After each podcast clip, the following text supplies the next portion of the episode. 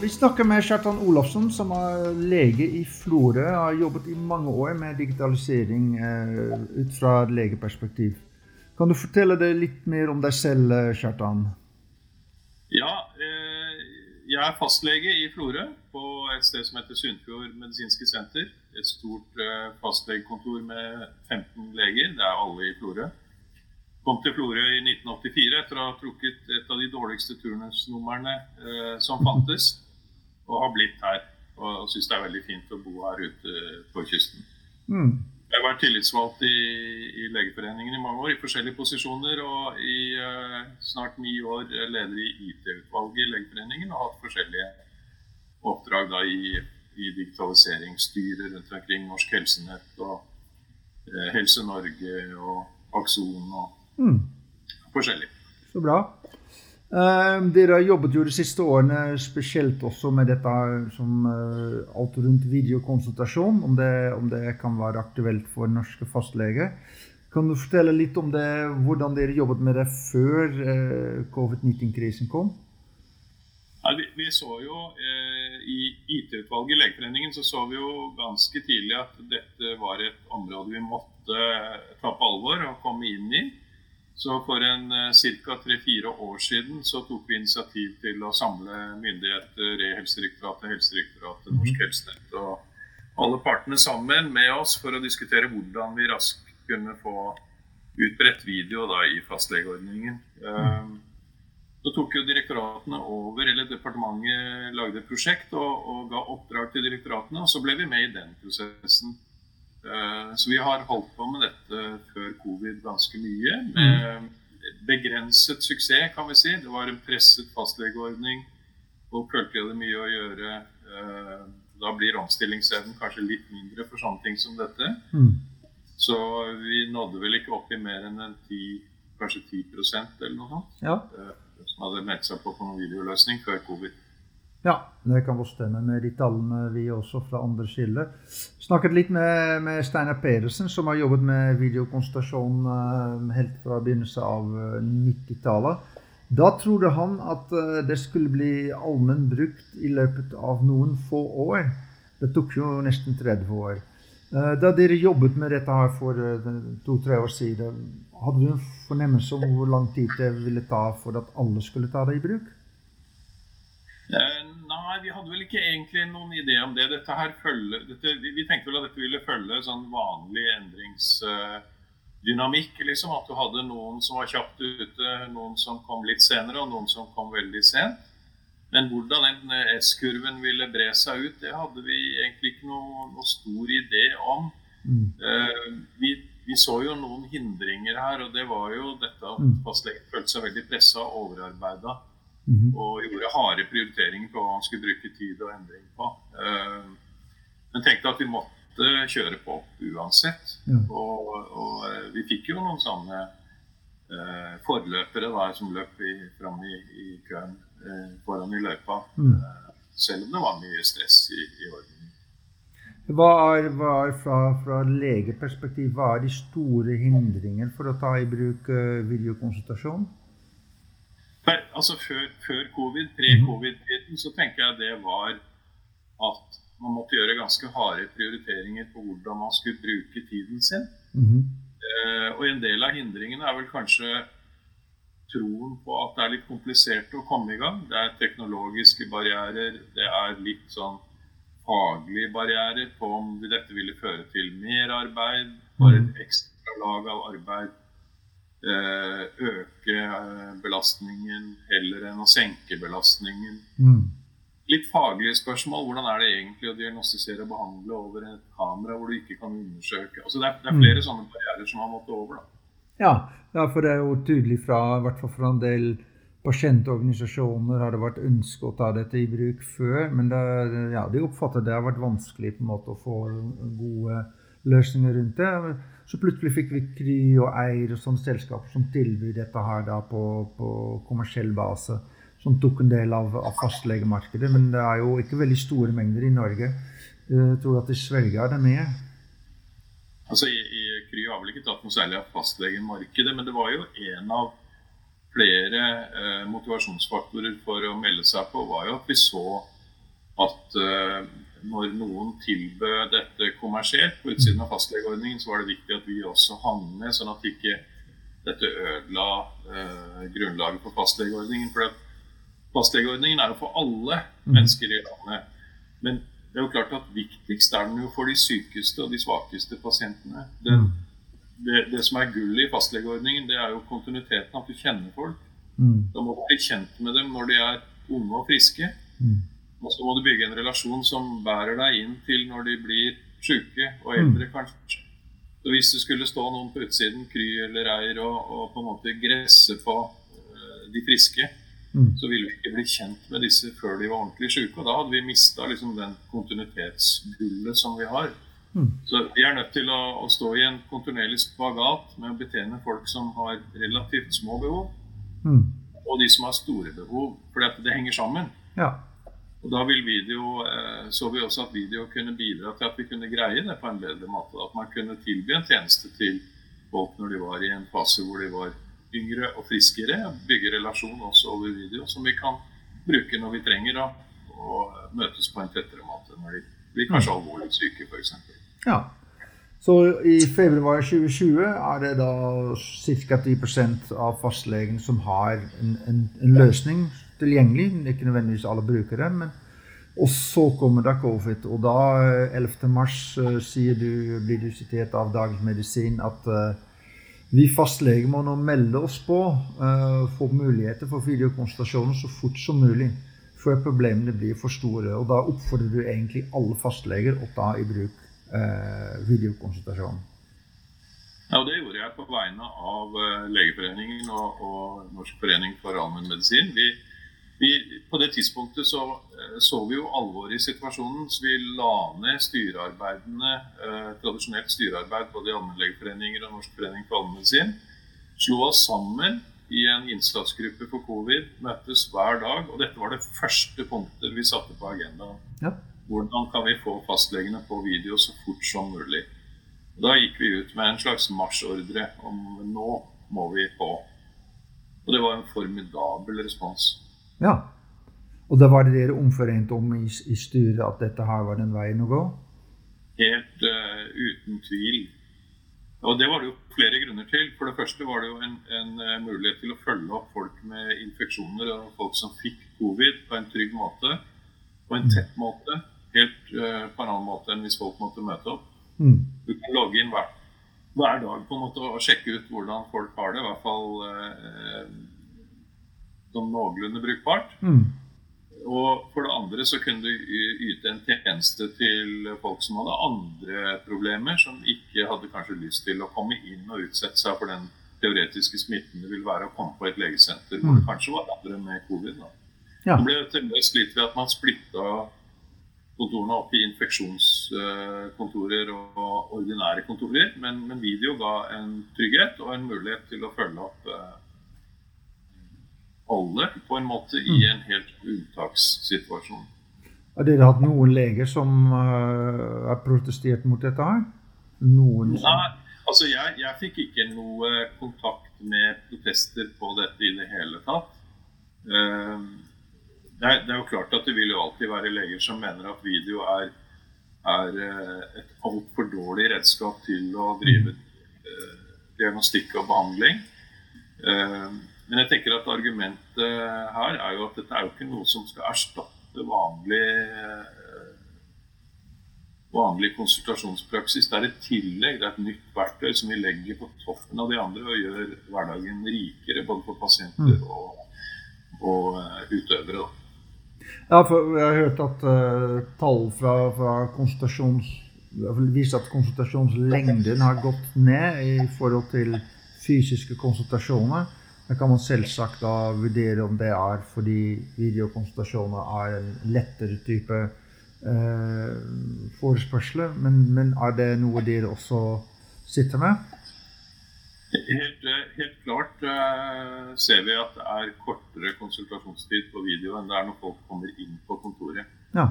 Det kan jo ha noe med seleksjonen av type problemstillinger eh, som kommer på video det kan være noe oppdragende, tror jeg, kanskje i selve formatet. Mm. Så at du, du, setter deg ikke ned og har god tid inne på kontoret, men det er, det er, på en måte en mer sånn teknologisk løsning inviterer kanskje mer til kjapphet, Mm.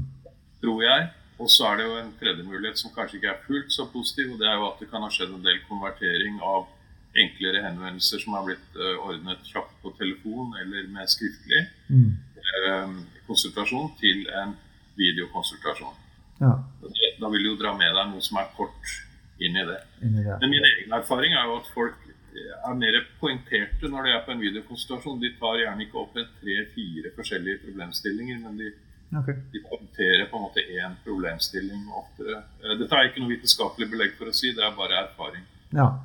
Hva er dere noe sånn samlet noe erfaringer fra, fra leger? Dere har sikkert snakket med mange. Hvordan oppfattes dette her i denne tiden? Vi har, er, vi har eh, ikke noe systematisk forskning ennå, men det blir jo satt i gang nå eh, studier på dette, både kvalitativt og kvantitativt. Mm. Eh, så det jeg sier, er mer sånn etter samtaler med kolleger og mine 15 eller 14 kolleger nede på kontoret. Ja. Så, så litt erfaring har vi nå fått med det på den måten. ja. Og hva er erfaringen av det positive, eller? Erfaringene er at, at dette var et helt nødvendig tiltak i den covid-situasjonen vi var i. Mhm. Eh, at det, det redda oss på en måte gjennom den første fasen hvor, eh, hvor det var eh, Det føltes veldig kritisk en periode i slutten av mars. Og så har ting etter hvert Det er en sånn pendel på en måte da, som Mm. svinger over helt til ene siden. Hos meg var det sånn at jeg hadde to eller tre fysiske konsultasjoner på en dag. Og så hadde jeg 17-18 videokonsultasjoner Oi. resten av dagen. Ja. Men så har det da gradvis, etter hvert som smittetrykket har forandra seg og ting har falt på plass, så søker pasientene tilbake til kontoret. De liker bedre å ha en fysisk konsultasjon, Ja. sitte på samme kontor. Så nå er jeg nede i, i eh, kanskje en, en fem-seks videokonsultasjoner per dag og en eh, 12-15 eh, fysiske konsultasjoner. Så varierer det litt sånn. Jeg tror det er trenden blant de fleste, at vi nå er i, i ferd med å svinge ned mot det som kanskje kan komme til å bli det varige nivået av videokonsultasjon. Det ja. vet vi jo ikke, men, men, vi har jo anslått fra, eh, fra kvalifisert gjetting at, at kanskje 10-15 20 av konsultasjoner mm. kan være video i, når vi kommer til endepunktet av dette. Det vet jo ikke. Kan jo bli mer av. Men hvis jeg forstår det riktig, så er det, det pasienter, innbyggerne, som tar kontakt med dere, som selv velger da, eh, å bruke videokonsultasjon mindre eh, etter den første bølgen eh, i starten av covid? Et- Det er litt avhengig av hvordan legene har organisert praksisen i forhold til video. De, jeg tror de aller fleste har selv styringen på eh, hva som skal være video og ikke. Mm. Andre har lagt ut timer eh, til video. Her er det jo litt sånn avhengig av hva slags programvareløsning man har, eh, hva slags pasientjournal man man kan legge opp sånne valg. Hos meg er det sånn at jeg i min elektroniske timebok har, har, har sagt til pasienter at hvis du ønsker å ha det på video, så skriver du video i merknadsfeltet. Okay. Ja. Men jeg har ikke, jeg har ikke en elektronisk uh, måte hvor pasienten kan velge video. Nei. Det finnes ikke i boka mi. Ok, ja, men det får jeg booket en time hos eh, fastlegen min, og da kunne jeg velge mellom videokonsultasjon eller en vanlig konsultasjon. Mm. Jeg tror det er avhengig av hvilken, altså hvilken journalløsning og hvilken bookingløsning Ja. legen har. Men likevel så, så hører jeg det si at, at det er mange som ønsker å gå tilbake til å komme fysisk til en lege, eh, fordi de syns at det er litt bedre enn å ta det på video. Altså det, det, første, det første er jo at eh, hvis du vet at du skal gjøre en teknisk undersøkelse, du skal ta en prøve eller ta en EKG eller en pusteprøve eller noe annet, eller at legen trenger å undersøke deg La oss si du har et vondt kne eller en vond skulder eller eh, Mm. Om det er noe med hjertet, så vet du at video bare vil være en forundersøkelse. Mm. Da vil mange tenke at ok, da kan jeg like gjerne komme inn. Det er bedre å komme inn til ham, så kan vi få gjort alt på en gang. Ja, riktig. Mm. Men, men noen av disse situasjonene så er det allikevel mulig å legge en videosamtale på forhånd for å planlegge og, eh, og liksom strukturere utredningsløpet. For at det er jo mange ting du ikke utreder på én time, men du trenger kanskje to eller tre timer. Og da kan du stykke det opp og ha noe på video og noe inne på kontoret. Jeg tenker det er, ikke, det er ikke enten-eller, men det kan være begge deler. Og det kan henge veldig fint sammen. Det vi må passe på, er bare at ikke vi legger ekstra opp på toppen. For da øker vi jo kostnadene både for pasientene og for samfunnet. Men at det blir, at det blir en eh, riktig faglig og rasjonell bruk av det. Riktig, ja. Bare en liten eh, innimellom. Prøv å snakke rett inn i, i mikrofonen og ikke snu hodet for mye til side. Ja. Selv om det er ikke noe spennende du ser der. Men det er, det er litt spennende her. ok, det går tilbake til uh, samtale. Um, er det fra de erfaringer de har gjort, og jeg skjønner at de ikke er vitenskapelige for, uh, forløpig, men er det noen uh, brukergrupper som liker dette her bedre eller mindre bra, eller er det noen type konsultasjoner man egner det til?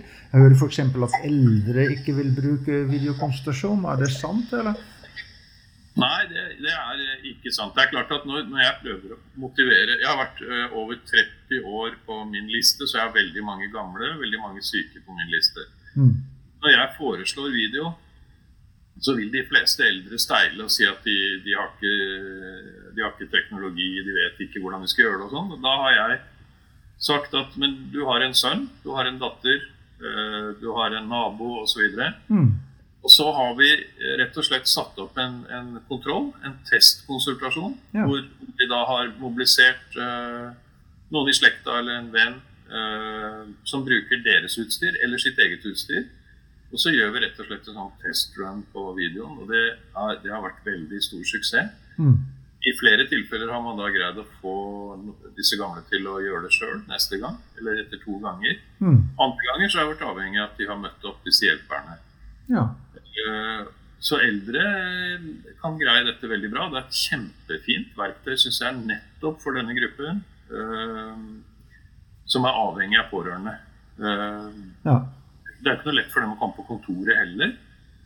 Og, og de må ofte ha hjelper med seg på kontoret også. Mm. Sånn at for, for enkle oppfølginger, samtale, støtte, hvordan det går, finne ut om, om man trenger å gjøre noe mer og sånn, så er dette en mulighet for å gi et ekstra lag av tjeneste. Okay. Det er jo det vi ønsker. Vi ønsker å støtte de som har det vanskeligst og, ja. har, og er sykest. Og det tenker jeg vi kan få til hvis vi bruker dette verktøyet riktig. Men mest populært er det selvfølgelig blant de som er unge og, og er vant til å bruke teknologi, er ja. veldig på smartphonen sin og nettbrettet. Mm. Da er det kjempelett. Kjempeenkelt. Og hva slags type eh, forspørsler eller konsultasjoner fungerer best? Er det man tenker f.eks. psykisk helse, og nå er det noen eh, heftige sykdommer som krefter, og det må mange lette ting. Er det slik at de lette tingene blir enklere på videokonsultasjon?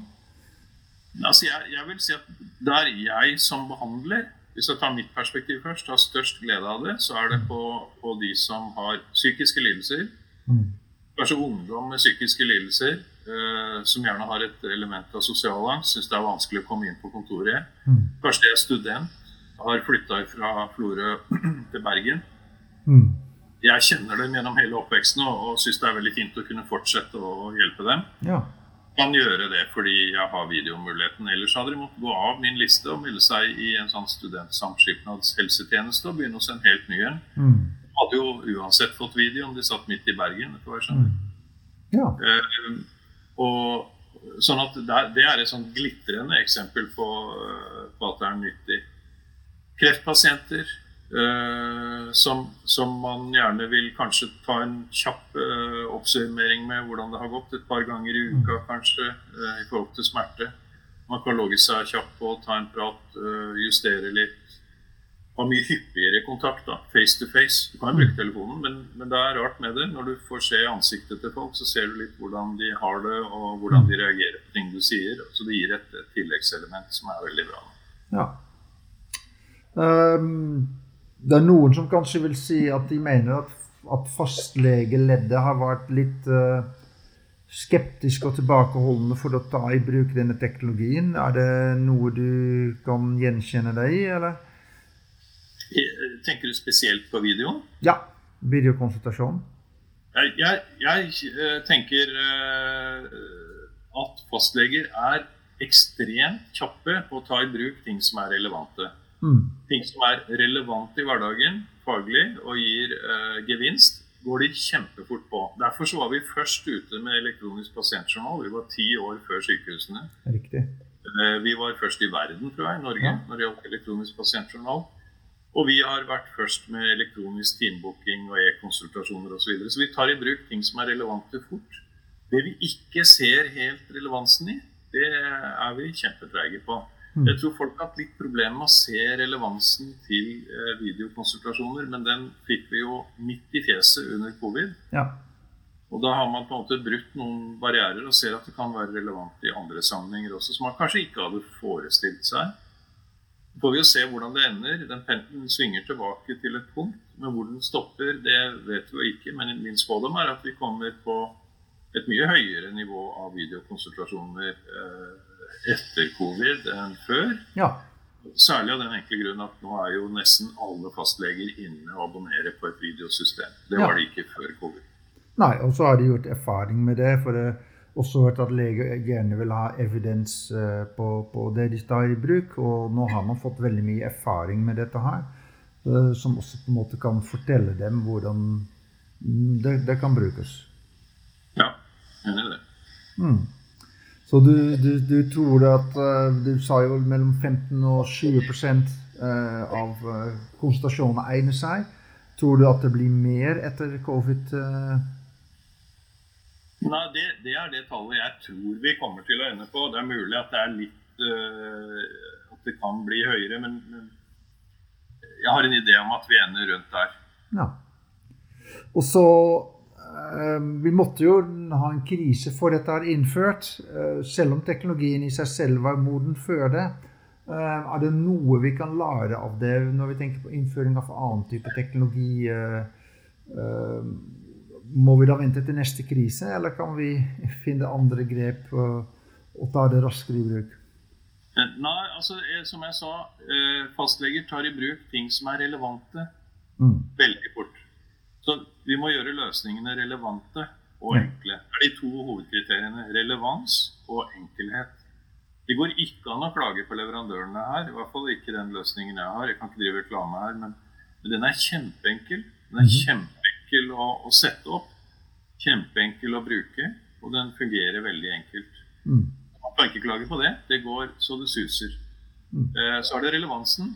Og, eh, og det er jo klart at da, det er jo det som skjedde da med covid, at den viste eh, Da, da ble det en situasjon hvor det ble utrolig relevant. Mm. I en hverdag hvor du bor i en liten by hvor folk er relativt nær deg, eh, og de kan komme opp om legekontoret og ta en prat, så, så er det kanskje ikke fullt så relevant for eh, brorparten av befolkningen eller eh, situasjonene. Men den har sin relevans da òg. Jeg nevnte jo studenter i Bergen og kreftpasienter som lå i senga hjemme som ikke kan komme. Så det er helt klart eh, du vil finne relevans der også. Ok. Da har jeg stilt mine spørsmål. Er det noe du tenker på burde blitt nevnt?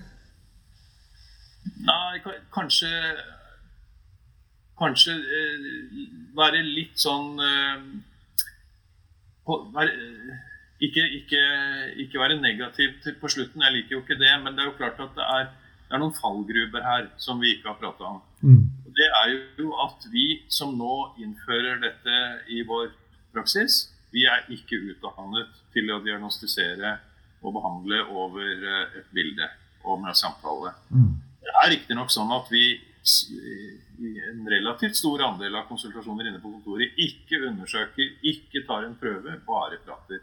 Vi er vant til det òg, Mm. men, men vi har alltid muligheten til å gjøre det. Og eh, det har vi ikke på video. Ikke? Da må vi i så fall stykke opp og ta en ny konsultasjon. Vi er jo heldige i fastlegeordningen for at vi kan gjøre det. Kry kan ikke det. Mm. Vi kan følge opp med en fysisk konsultasjon. Men det er å finne den gode balansen her. Hvor langt kan du gå i diagnostikk og behandling på video? Hvor bør du stoppe? Mm. Hvor bør du faktisk si at dette kan jeg ikke gi deg en antibiotikakur for?